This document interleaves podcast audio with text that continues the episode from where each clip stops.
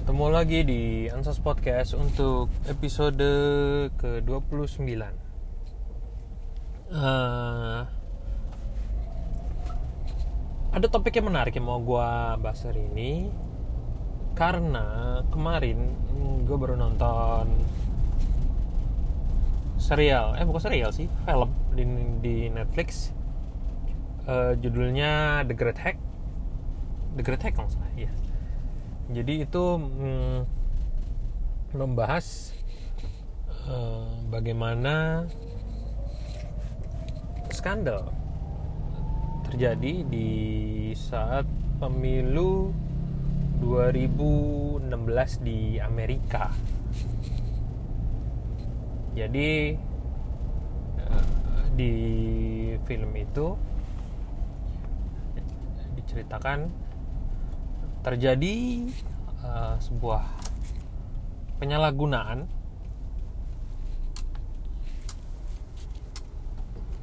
data Facebook yang digunakan untuk uh, pemilu di Amerika 2016. Jadi gini, ceritanya gini. uh, lo kan tahu di 2016 itu pemilu di Amerika dimenangkan oleh uh, Donald Trump, di mana saat itu dia ngalahin Hillary Clinton sebagai uh, capres satunya. Nah ternyata untuk bisa memenangkan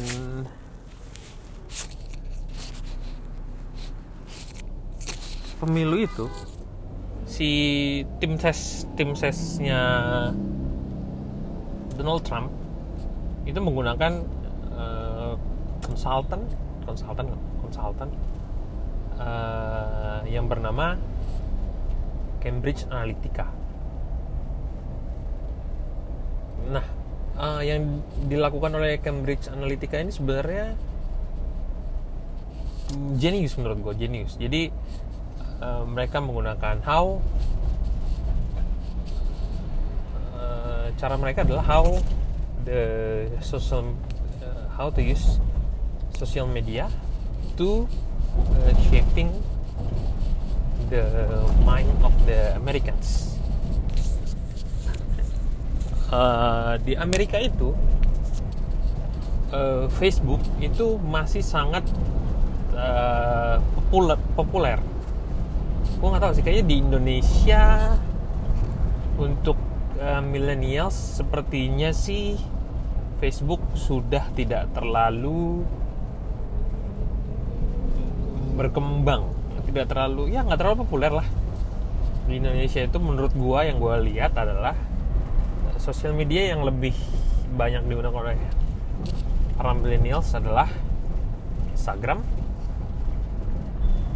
Hmm, dulu pet sempet tapi sekarang udah nggak lagi Instagram dan juga apa ya sosial media. Instagram sih yang paling populer. Dan YouTube lah mungkin YouTube. Instagram dan YouTube. Sedangkan kalau di Amerika itu Facebook masih sangat populer. Tetapi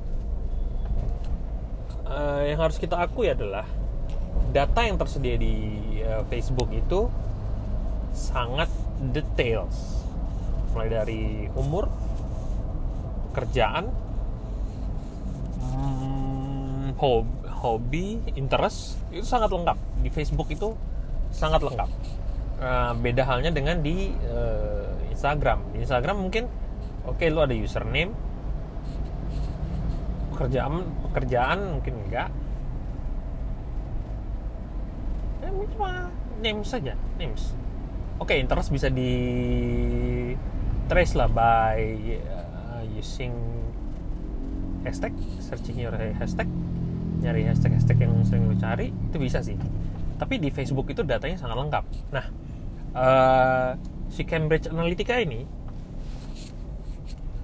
uh, di dokumenter itu diceritakan dia bekerja eh dia dan salah satu bekerja sama lah dengan salah satu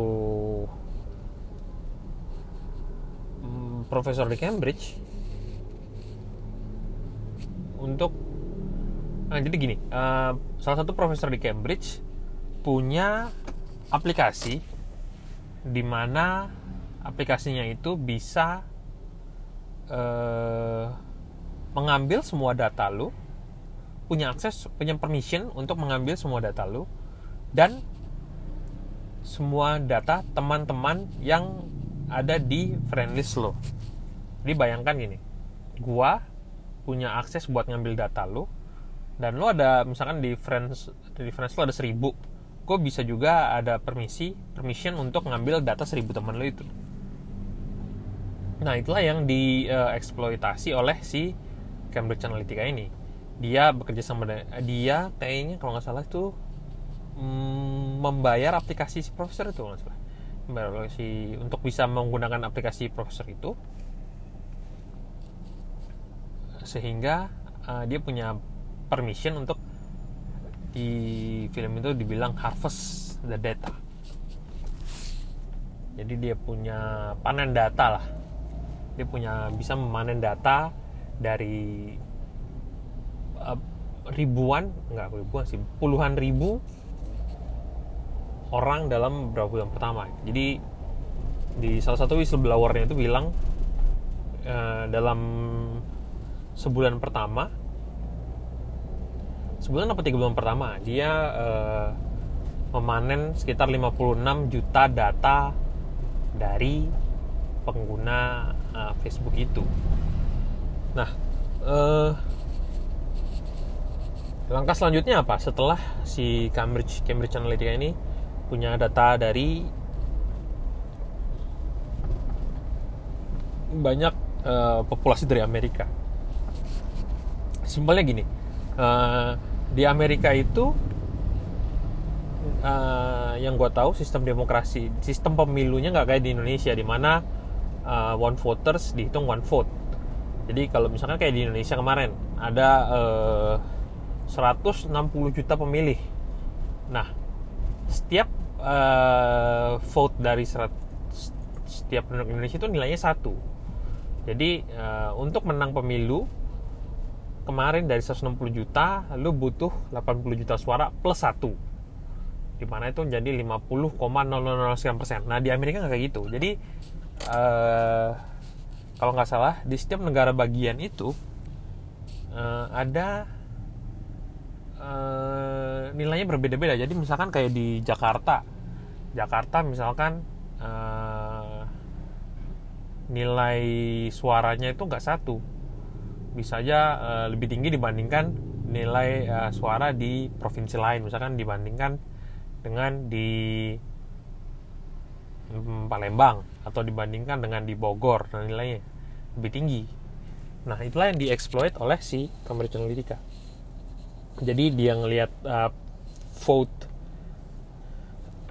nilai uh, suara di setiap negara bagian di Amerika mereka langsung menargetkan uh, negara-negara bagian di mana nilai vote-nya itu lebih tinggi dibandingkan negara bagian lain.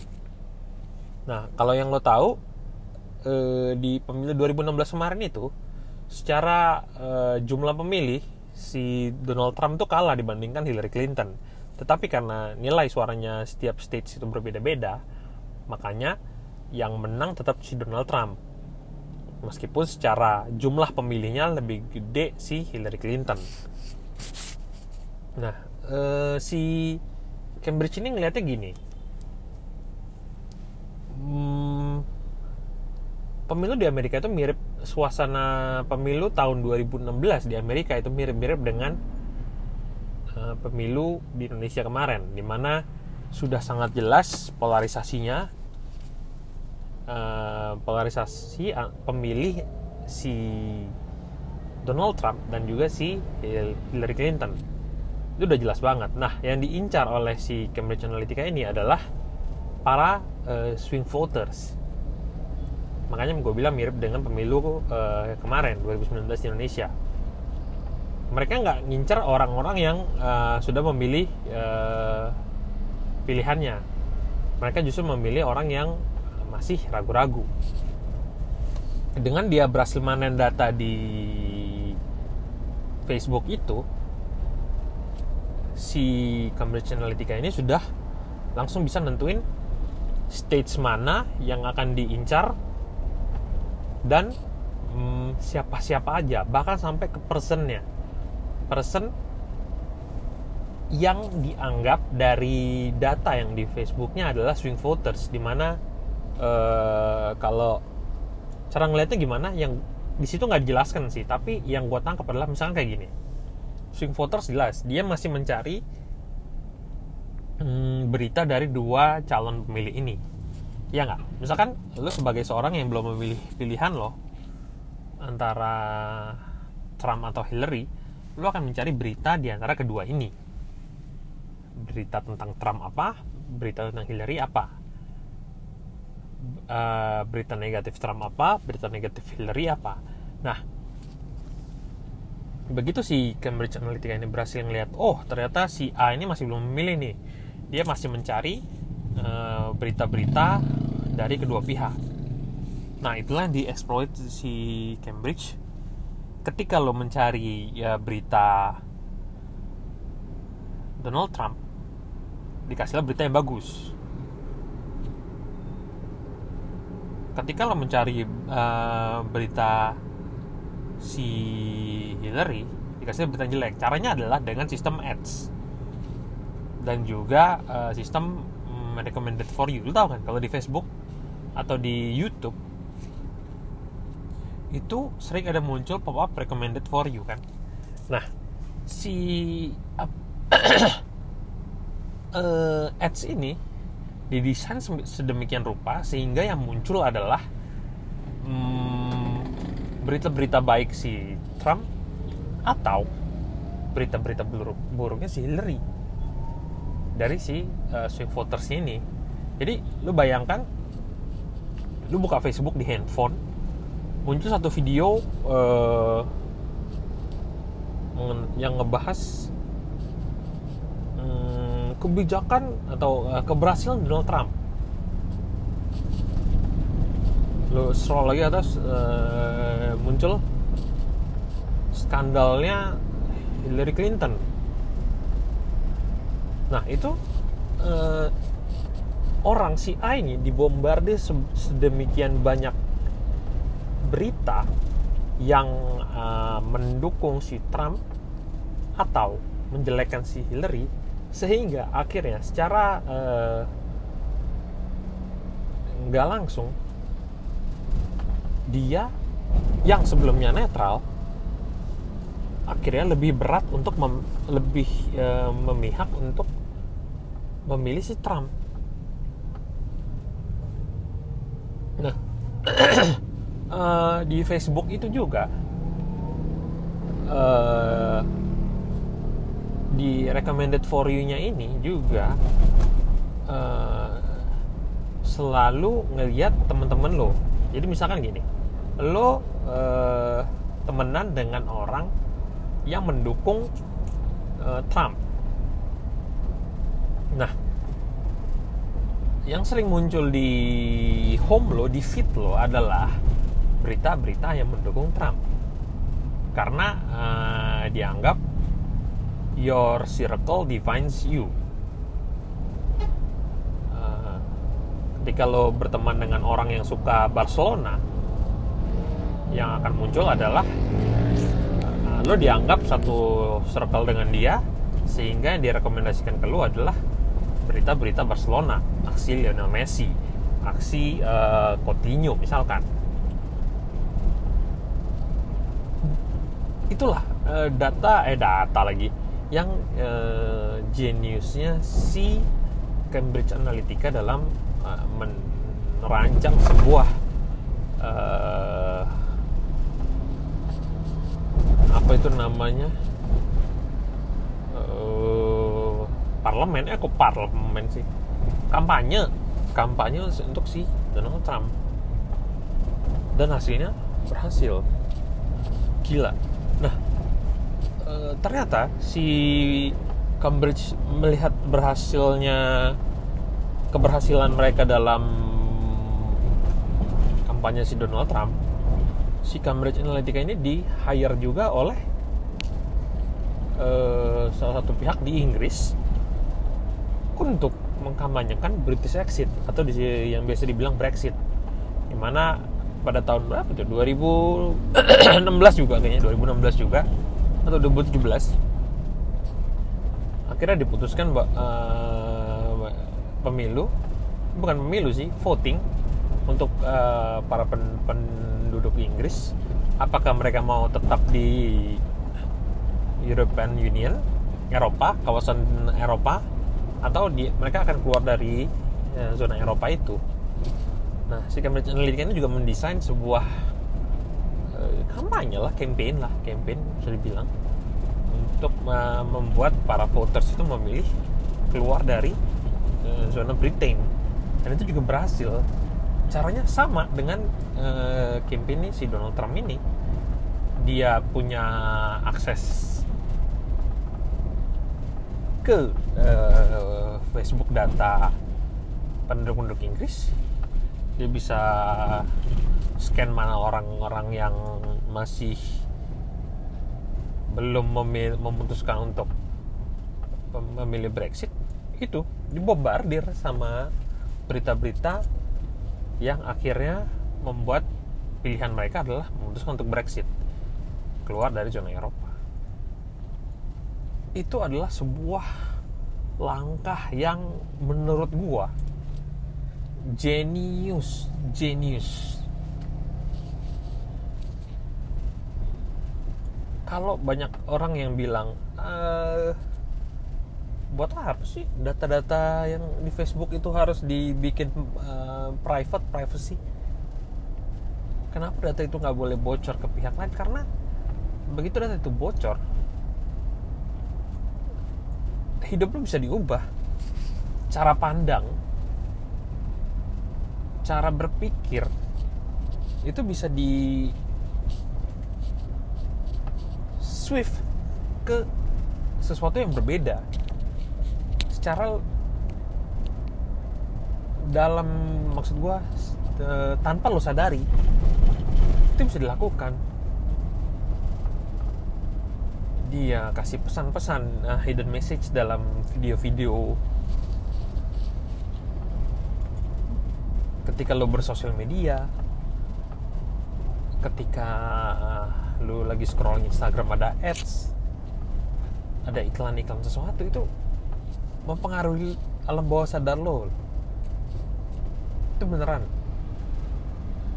Sudah dua kejadian yang membuktikan itu berhasil. Brexit dan juga si Donald Trump. Hampir eh, juga uh, cara yang sama terjadi di uh, pemilu 2009 kemarin menurut gua. Tetapi di Indonesia mungkin masih uh, apa ya? Belum kayak di Amerika lah. Tingkat keberhasilan uh, kampanyenya tapi di uh, Amerika ini benar-benar luar biasa. Kembali ke topik data. How data shapes you. Uh, di beberapa episode eh kayak beberapa episode episode episode awal gua kayaknya. Gua pernah membahas hmm, mengenai uh, salah satu unicorn bukan udah dekakorn sekarang di Indonesia. Itu juga secara tidak langsung mengharvest data loh. Data pemesanan data makanan data rute data apa lagi ya? Data hmm, keuangan mungkin. Keuangan lo monthly expense lo di menggunakan aplikasi mereka atau juga ketika lo uh, daily expense ketika lo sudah mulai menggunakan aplikasi itu secara rutin sebagai pembayaran. Nah, apakah uh, mereka menggunakan cara yang sama untuk me- mengubah atau membentuk habits menurut gue bisa aja sih. Dengan cara how they uh, create a promo. Menurut gue based on data itu. Mereka melihat hmm, merchant mana yang paling banyak digunakan oleh uh, para pengguna aplikasinya hmm, seberapa banyak uh, pembelianmu di merchant tersebut? Uh, seberapa besar promo yang akan mereka berikan? Apakah uh, imbal hasilnya mereka akan bisa mengembalikan nilai dari promonya itu? Itu semua bisa didapatkan dari data-data yang lo nggak sadar lo kasih ke mereka. Jadi ya emang ke depannya kayaknya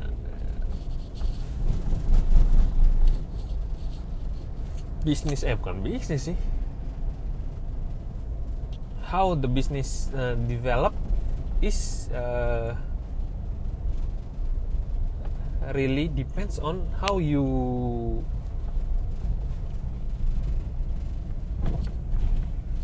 share your data your habit lah.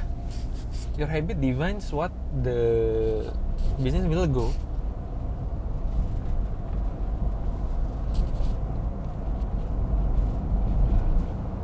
Menurut gue bakalan kayak gitu ke depan ini. Ketika lo share jadi uh, kalau lo uh, daftar apps nih uh, download apps lah download apps. Atau kayak misalkan kayak face apps kemarin yang booming face apps. Uh, yang ngedit muka jadi tua itu. Ketika uh, lo download aplikasinya kan itu ada uh, agreement license agreement bla bla bla bla itu kan itu kan sebenarnya sesuatu yang nggak akan pernah lo baca kan tapi bisa aja gue nggak tahu sih. Gue kemarin juga langsung yes yes yes doang begitu di license agreementnya dibilang uh, mereka boleh menggunakan foto lo di di masa yang akan datang dan lo nggak baca lo ketik yes. Ketika mereka pakai foto lo nanti misalkan di iklan yang paling simpel deh ditaruh di iklan misalkan. Lo nggak bisa komplain itu. Kenapa? Karena mereka ngambil data dari uh, aplikasinya. Yang ketika lo gunakan aplikasinya itu lo sudah setuju dengan agreement di mana mereka boleh mempergunakan foto lo. Lo bayangkan gini ini konteks sesuatu yang mengerikan lah misalkan data muka lo misalkan dipakai nanti sebagai buat uh, sekarang ada nggak sih yang buku tabungan menggunakan foto gitu? Nggak ada sih. Misalkan nanti ke, di masa yang akan datang uh, semua hmm, bank mewajibkan foto gitu. Foto sebagai identitas diri untuk uh, transfer pakai foto gitu. Nah terus ada uh, si perusahaan itu menggunakan data foto lo yang buat bikin tua itu buat ngebobol rekening lo misalkan. Nah uh, itu lo nggak bisa menuntut si perusahaan itu. Kenapa? Karena lo pada awalnya lo udah agree terhadap persyaratannya itu sebelum menggunakan aplikasinya itu. Ngeri kan? Depannya. Wah. There there are a lot of things from your data. Ada banyak banget yang bisa digunakan dari data-data lo itu. Dan lo mungkin sekarang belum sadar ah uh, ya udah gue cuma yes yes yes doang. Facebook lo update status segala macem lah. Lo uh, lihat video apalah di YouTube tapi begitu data lo dia ambil itu bahkan mungkin sampai ke kalau yang ngolah datanya jago mungkin dia bisa sampai tahu personality lo. Uh, pola pikir segala macam itu mungkin bisa di eksploitasi oleh mereka. Gila sih ngeri banget. Gue harus nonton sih film The Great Hack ini. Dari Netflix. Itu film luar biasa banget. Menurut gue ini salah satu film yang main blown banget sih untuk tahun ini. Karena gue emang suka uh, pembahasan-pembahasan ini. Pembahasan-pembahasan kayak, kayak misalkan kemarin tuh gue juga nonton uh, yang aduh apa sih itu? Gue kayak pernah bahas juga tuh yang uh, cek darah menggunakan tetes darah dari ujung ujung jari itu juga salah satu the biggest fraud in health industry di Amerika. Sebuah perusahaan aduh apa sih itu nama perusahaannya? Anjing gue lupa lagi. Pokoknya itu uh, yang punya cewek dia uh, drop out dari salah satu universitas Stanford apa terus dia punya visi ingin bisa uh, cek darah menggunakan satu tetes dari ujung jari lo tapi bisa menghasilkan lebih dari 100 analisa yang biasa menggunakan uh, berapa mililiter darah tuh. Itu juga dianggap sebagai salah satu terobosan yang luar biasa. Tapi ternyata di balik itu semua itu cuman fraud di mana sebenarnya dia menggunakan cara yang sama dengan yang lama. Cuman dia menggunakan satu darah satu tetes darah yang uh, dikasih air baru dianalisa menggunakan mesin yang lama. Dan ternyata analisanya juga tidak sangat tidak akurat. Dan itu berbahaya. Karena ini mm, industri medis lo salah uh, memberikan hasil tes darah itu bisa menghasilkan hmm, penanganan yang berbeda dan bisa membuat lo justru malah meninggal. Makanya akhirnya si perusahaan itu dia putus bersalah kayaknya sekarang udah bangkrut deh. Meskipun sempat dianggap sebagai si cewek itu the female Steve Jobs. Salah satu rising star di Silicon Valley. Ternyata ya akhirnya dia juga jatuh. Banyak banget kayaknya di Netflix film-film yang menarik kayak gitu mungkin uh, eh, gue akan mengeksplor lagi beberapa beberapa film yang nanti akan gue bahas di podcast. Ya begitulah.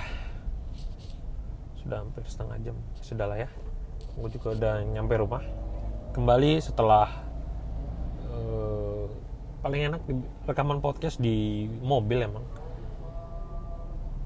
Karena tinggal matiin radio pakai headset ngomong-ngomong sendiri.